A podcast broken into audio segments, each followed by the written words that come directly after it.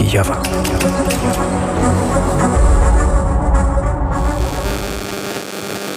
191 dzień rosyjskiej inwazji na Ukrainę w dziewiątym roku wojny. Witam się z Państwem Paweł Bobułowicz. Audycję realizuje Daniel Chybowski.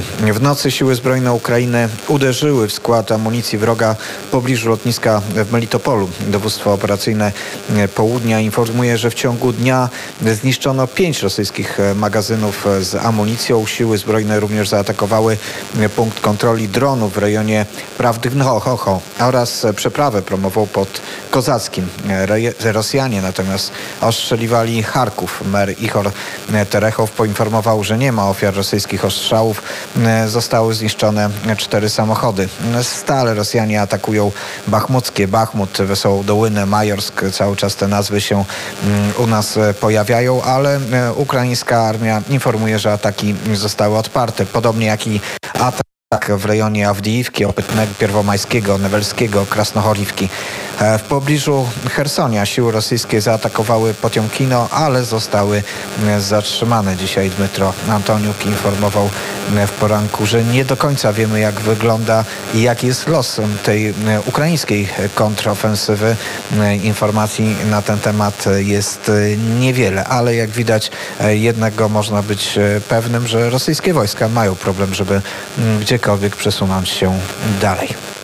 Ale w tym samym czasie Rosja próbuje innych frontów, niekoniecznie e, militarnych. Rosyjscy okupanci dokładają wszelkich starań, aby misja Międzynarodowej Agencji Energii Atomowej nie poznała prawdziwego stanu rzeczy w zaporowskiej energii, e, e, elektrowni jądrowej. Rozpowszechniają manipulacyjne i fałszywe informacje o tej wizycie, twierdzi ukraiński Energoatom. Przypomnę, że międzynarodowa grupa dotarła do zaporowskiej elektrowni jądrowej jądrowej, e, ale ukraińska agencja przypomina, że zdecydowana większość mediów z całego świata, jak to nazywa, e, które przyjechały do elektrowni 1 września, to w rzeczywistości rosyjscy propagandyści. Autobusy z dziennikarzami ukraińskimi i zagranicznymi nie zostały przez Rosjan przepuszczone na, temat, na teren elektrowni. Mówił o tym też prezydent Wołodymyr e, Zełęński. Ponadto okupanci kłamią, informując o rzekomym ukraińskim ostrzale i uszkodzeniu infrastruktury zaporowskiej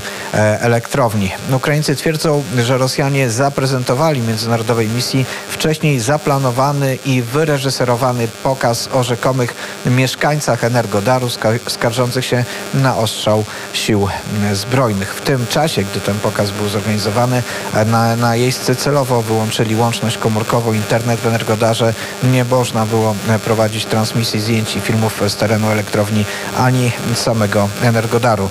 Rozumiemy, że w tych warunkach trudno będzie Międzynarodowej Agencji Energii Atomowej obiektywnie ocenić sytuację w zaporowskiej elektrowni. Zamiast tego podkreślamy, że niemożliwe jest wdrożenie wszystkich zaleceń misji przywracania bezpieczeństwa jądrowego i radiologicznego w elektrowni, podczas gdy znajduje się pod kontrolą rosyjskich sił okupacyjnych. E, tak e, podsumowuje tę wizytę i tę sytuację ukraiński e, Energoatom, czyli agencja, która odpowiada za funkcjonowanie elektrowni atomowej i za Przypomnę, że Zapor Zaporowska elektrownia jądrowa została zajęta przez Rosjan na początku e, marca, a jednocześnie nadal jest obsługiwana przez ukraiński personel. W naszych raportach informujemy też o tym, co dzieje się na froncie zbożowym, a, właściwie w tej kwestii porozumienia zbożowego.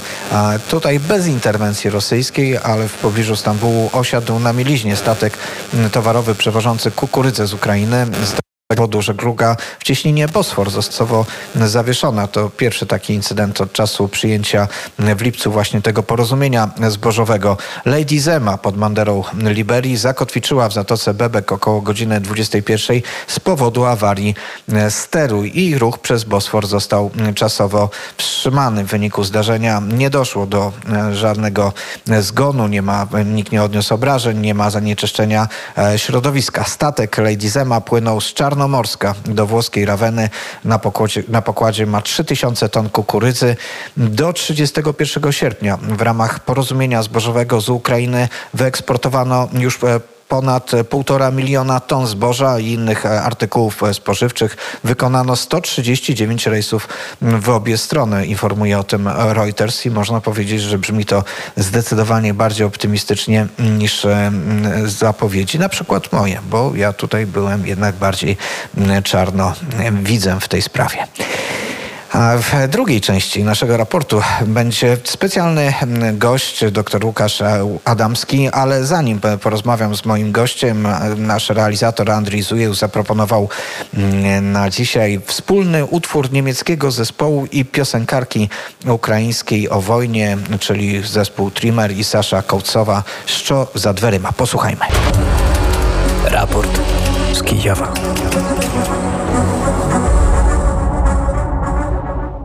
A w raporcie z Kijowa moim i Państwa gościem jest dr Łukasz Adamski, wicedyrektor Centrum Mieroszewskiego. Dzień dobry panie dyrektorze. Dzień dobry Państwu, dzień dobry panie redaktorze. E, z panem dyrektorem ostatnio widzieliśmy się w Kijowie. W Kijowie rozmawialiśmy też na antenie Radia Wnet. Wtedy opowiadaliśmy, czym jest Centrum Mierszewskiego, e, jak powstała, właściwie jak zostało na nowo zafunkcjonowało w pewnym sensie, czy instytucja, która e, wcześniej zajmowała się tylko problemami rosyjskimi, została Centrum Mierszewskiego przekształcona. I wtedy, panie doktorze, też zapowiedzieliśmy ważne badania. Nie mogliśmy jeszcze o nich więcej opowiedzieć, chociaż pan doktor już znał rezultaty tych badań, ale jeszcze było to przed oficjalną, mm, oficjalną publikacją e, badań, badania dotyczące mm, tego, jak Ukraińcy postrzegają e, nie tylko zresztą Polaków, ale e, różne postawy Ukraińców, które teraz są wynikiem albo powstały w wyniku mm, czy w czasie wojny. Między innymi wśród informacji, które znalazły się w specjalnym raporcie przeprowadzonym czy zrealizowanym przez Ukraiński Instytut Badawczy InfoSapiens na Państwa z, z, zlecenie, zjawiła pojawiła się informacja, że 73% Ukraińców po 24 lutego zmieniło swoją opinię o Polakach na lepsze. I e, można powiedzieć, że wynik ten dotyczy mniej więcej całej Ukrainy, czyli wygląda to wszędzie tak samo we wszystkich e, regionach. Co jeszcze znalazło się w, tych, w tym raporcie? Jakie są, e, jakie są wnioski z tego, z tego badania?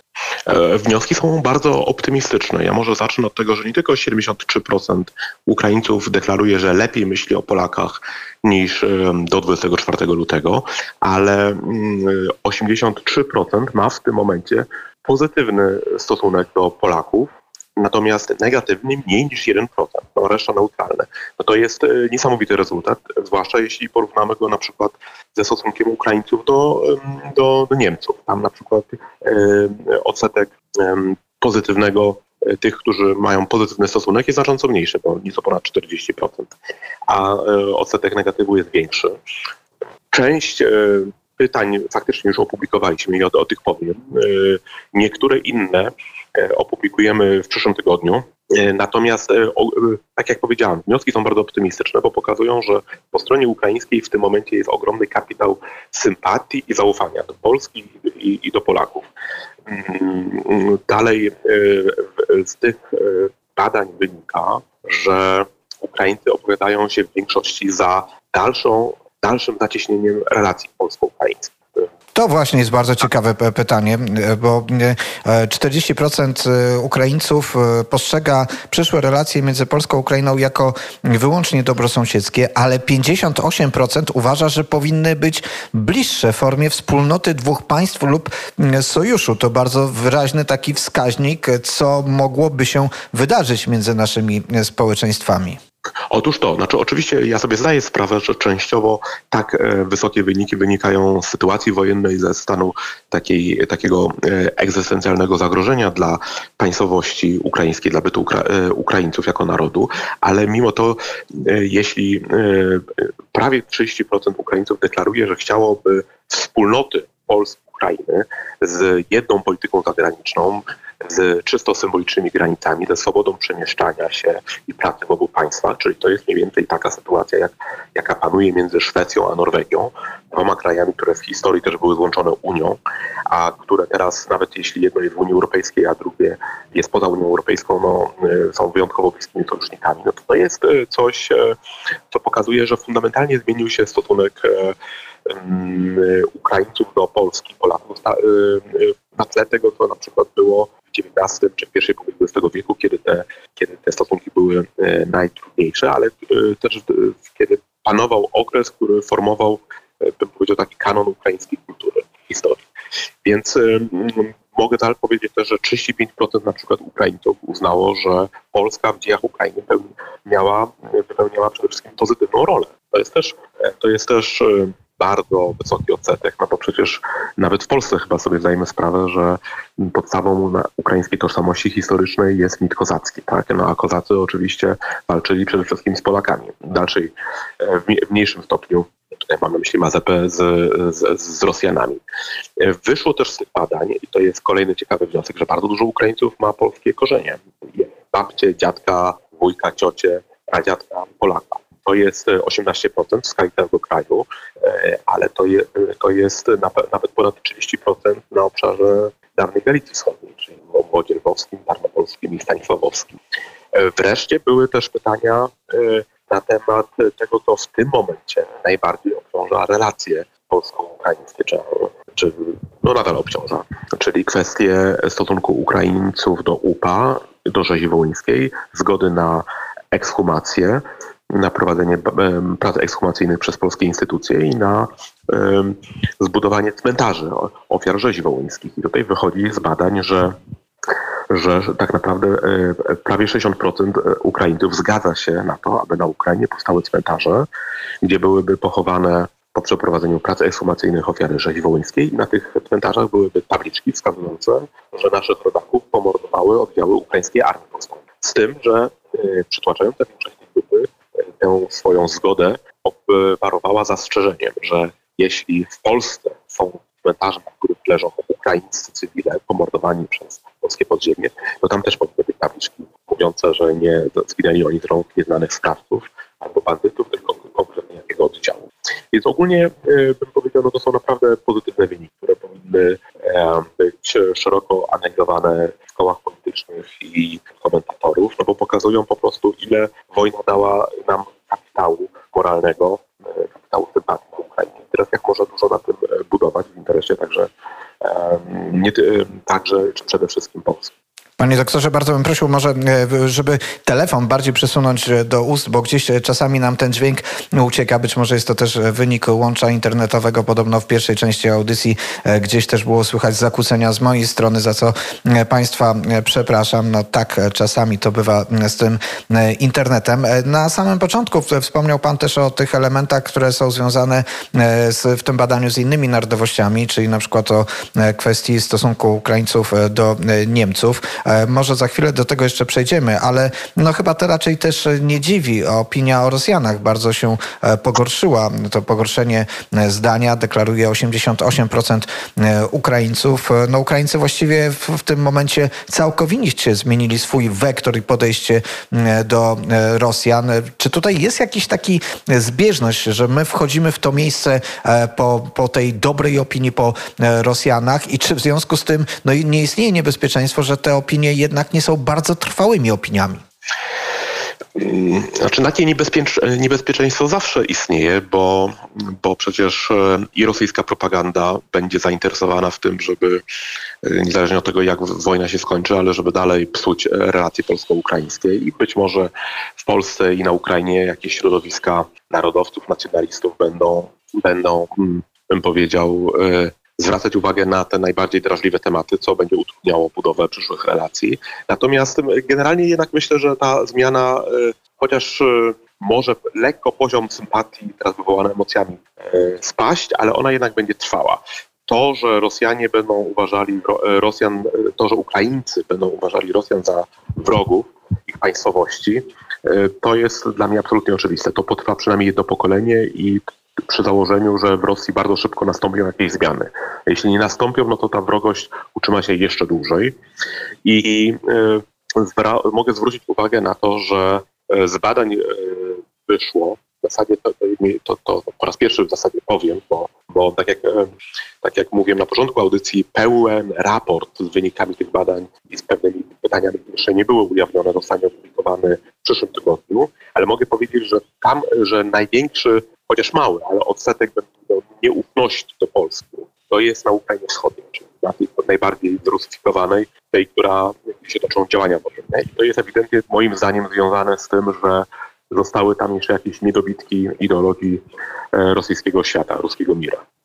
Ale Zwłaszcza, że chyba tak, też demograficznie sytuacja teraz się zmieniła, że jednak te osoby, które najbardziej się identyfikowały z Ukrainą, bardzo często tereny wschodnie akurat e, czasowo opuszczają, także to też mogło być może wpłynąć na, na, na, na, na, na te odpowiedzi i na e, skalę, skalę odpowiedzi. E, panie doktorze, zapewne może pan jeszcze o tym nie wiedzieć, bo w tym momencie nasza współpracownica Daria Hordiko podesłała mi rezultaty badania, które przeprowadziło Centrum centrum Lewada, to co Rosjanie myślą o tak zwanej operacji specjalnej. 76% Rosjan popiera operację specjalną, 17% y, jest przeciwnych. Najsłabsze poparcie jest w grupie y, najmłodszych, 80-24 lata, ale i tutaj to większość tej grupy popiera tę tak zwaną operację specjalną, 65%.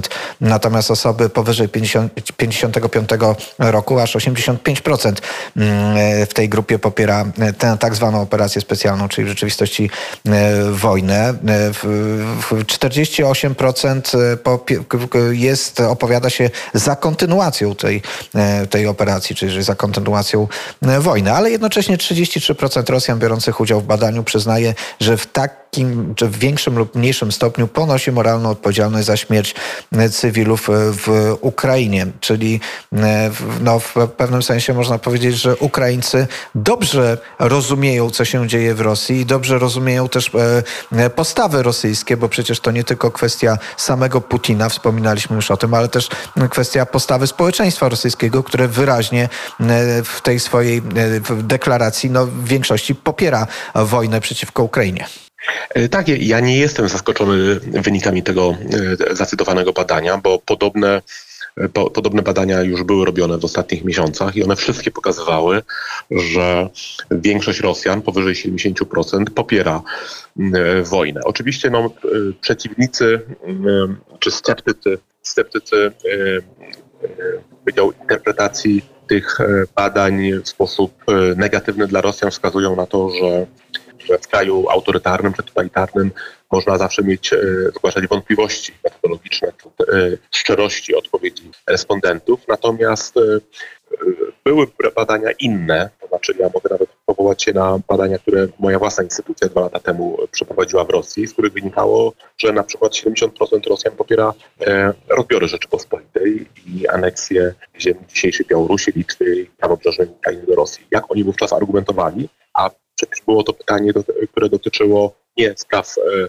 bieżących, ale tego, co zdarzyło się ponad 200 lat temu. Argumentowali w ten sposób, że e, ziem za mało to nigdy nie jest i zawsze jest lepiej mieć więcej ziem niż mniej, albo że e, jest słuszne i sprawiedliwe, że większy może więcej, albo że po prostu trzeci rodzaj odpowiedzi, że Ukraińcy to są, to są, to są Rosjanie, dlaczego w związku z tym nie mieliśmy ich przyłączyć do Rosji. I myślę, że teraz też wychodzi z, w trakcie wojny rosyjsko-ukraińskiej, że to, to jest wojna nie tylko Putina, tylko to jest wojna też przytłaczającej większości społeczeństwa rosyjskiego, bo oni ją popierają, bo 80, ponad 80% Rosjan krzyczało, że Krym jest nasz. No i e, bo to jest starcie, starcie dwóch państw i dwóch ideologii. Rosjanie uważają, że Ukraińcy nie mają prawa do odrębnego bytu e, państwowego, no chyba, że w ścisłych związkach e, z Rosją, bo Ukraińcy tak naprawdę nie są takim samym narodem jak Niemcy, Francuzi czy, czy Polacy, tylko to są,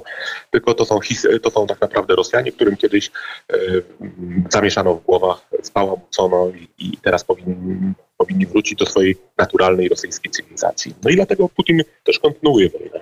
To jest też ciekawe, że o ile wcześniej, gdy rozmawialiśmy też o tamtych badaniach, które e, Państwo przeprowadzili wcześniej, mówiliśmy o rosyjskiej propagandzie, ale dzisiaj rosyjska propaganda musi się zderzyć z faktami. Prawie 49 tysięcy rosyjskich żołnierzy zginęło e, na Ukrainie. Nawet przyjmując, że strona ukraińska mogłaby zawyżać tę liczbę, chociaż o bardzo podobnych liczbach mówią też wywiady zachodnie, to nie ulega żadnej wątpliwości, że liczba e, ofiar wśród rosyjskich żołnierzy jest potężna i że przecież ta informacja musi docierać do rosyjskiego społeczeństwa, że to nie jest coś, co jest absolutnie nieznane, to pomimo tego e, jednak trwa to, to poparcie dla Putina i dla tej imperialnej polityki.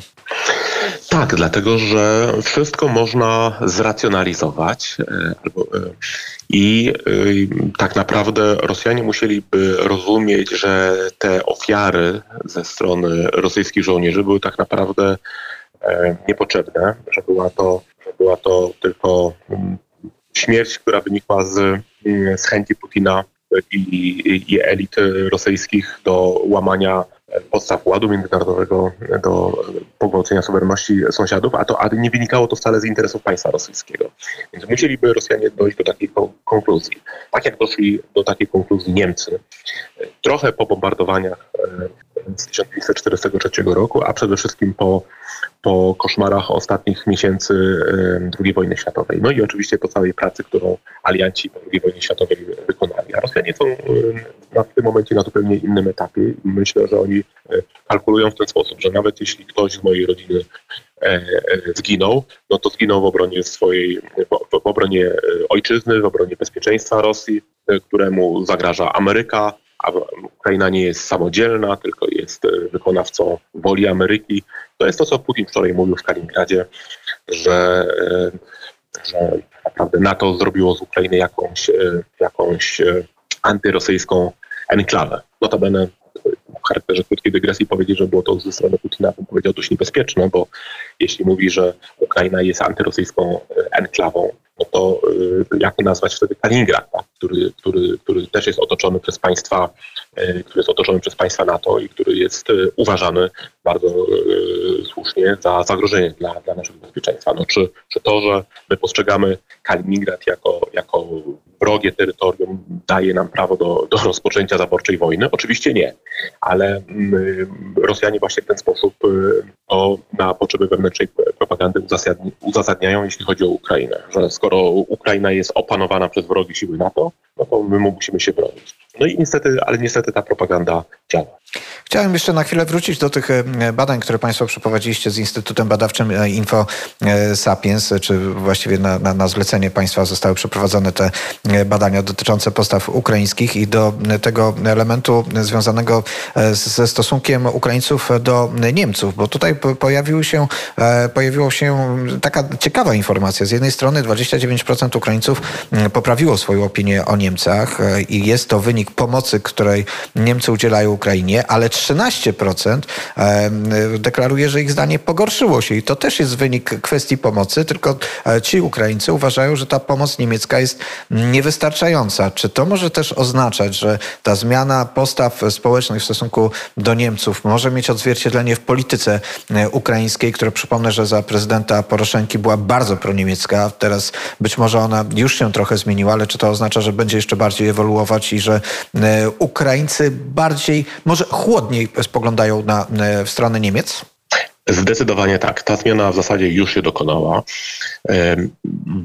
Ukraińskie elity polityczne, w tym otoczeniu prezydenta Zeleńskiego, są ewidentnie rozczarowane taką, bym powiedział, kunktatorską e, postawą Niemiec. E, z jednej strony deklaracje solidarności i wsparcia, ale z drugiej strony brak e, faktycznie realnych działań albo bardzo niewystarczające działanie. Do tego jeszcze jeszcze e, wkładanie kija między szprychy e, w sytuacji, gdy Ukraina z polską pomocą, z pomocą państw bałtyckich, Stanów Zjednoczonych lubuje na różnych forach międzynarodowych no, korzystne dla Ukrainy rozwiązania. I wreszcie wreszcie to te publiczne wypowiedzi kanclerza Scholza i wielu innych polityków, że to nie jest wojna Rosjan przeciwko Ukraińcom, tylko to jest wojna Putina. To jest, to jest, to jest bym powiedział, szczególny rodzaj hipokryzji, bo ona, bo tego rodzaju wypowiedzi zakładają, że Rosjanie nie ponoszą odpowiedzialności zbiorowej za zbrodnie wykonane, dokonywane w imieniu ich państwa. Natomiast Pa, sami Niemcy dyrektorze. o sobie mówią, że, że jednak ponoszą odpowiedzialność za to, co zrobili w II wojnie światowej. Więc Ukraińcy to dostrzegają i dlatego jest duże rozczarowanie Niemcami. Panie dyrektorze, będziemy mieli okazję jeszcze porozmawiać na ten temat, gdy opublikujecie już całość e, badań. E, naszym gościem był e, dr Łukasz Adamski, wicedyrektor Centrum Mierszewskiego. Bardzo serdecznie dziękuję. Dziękuję również.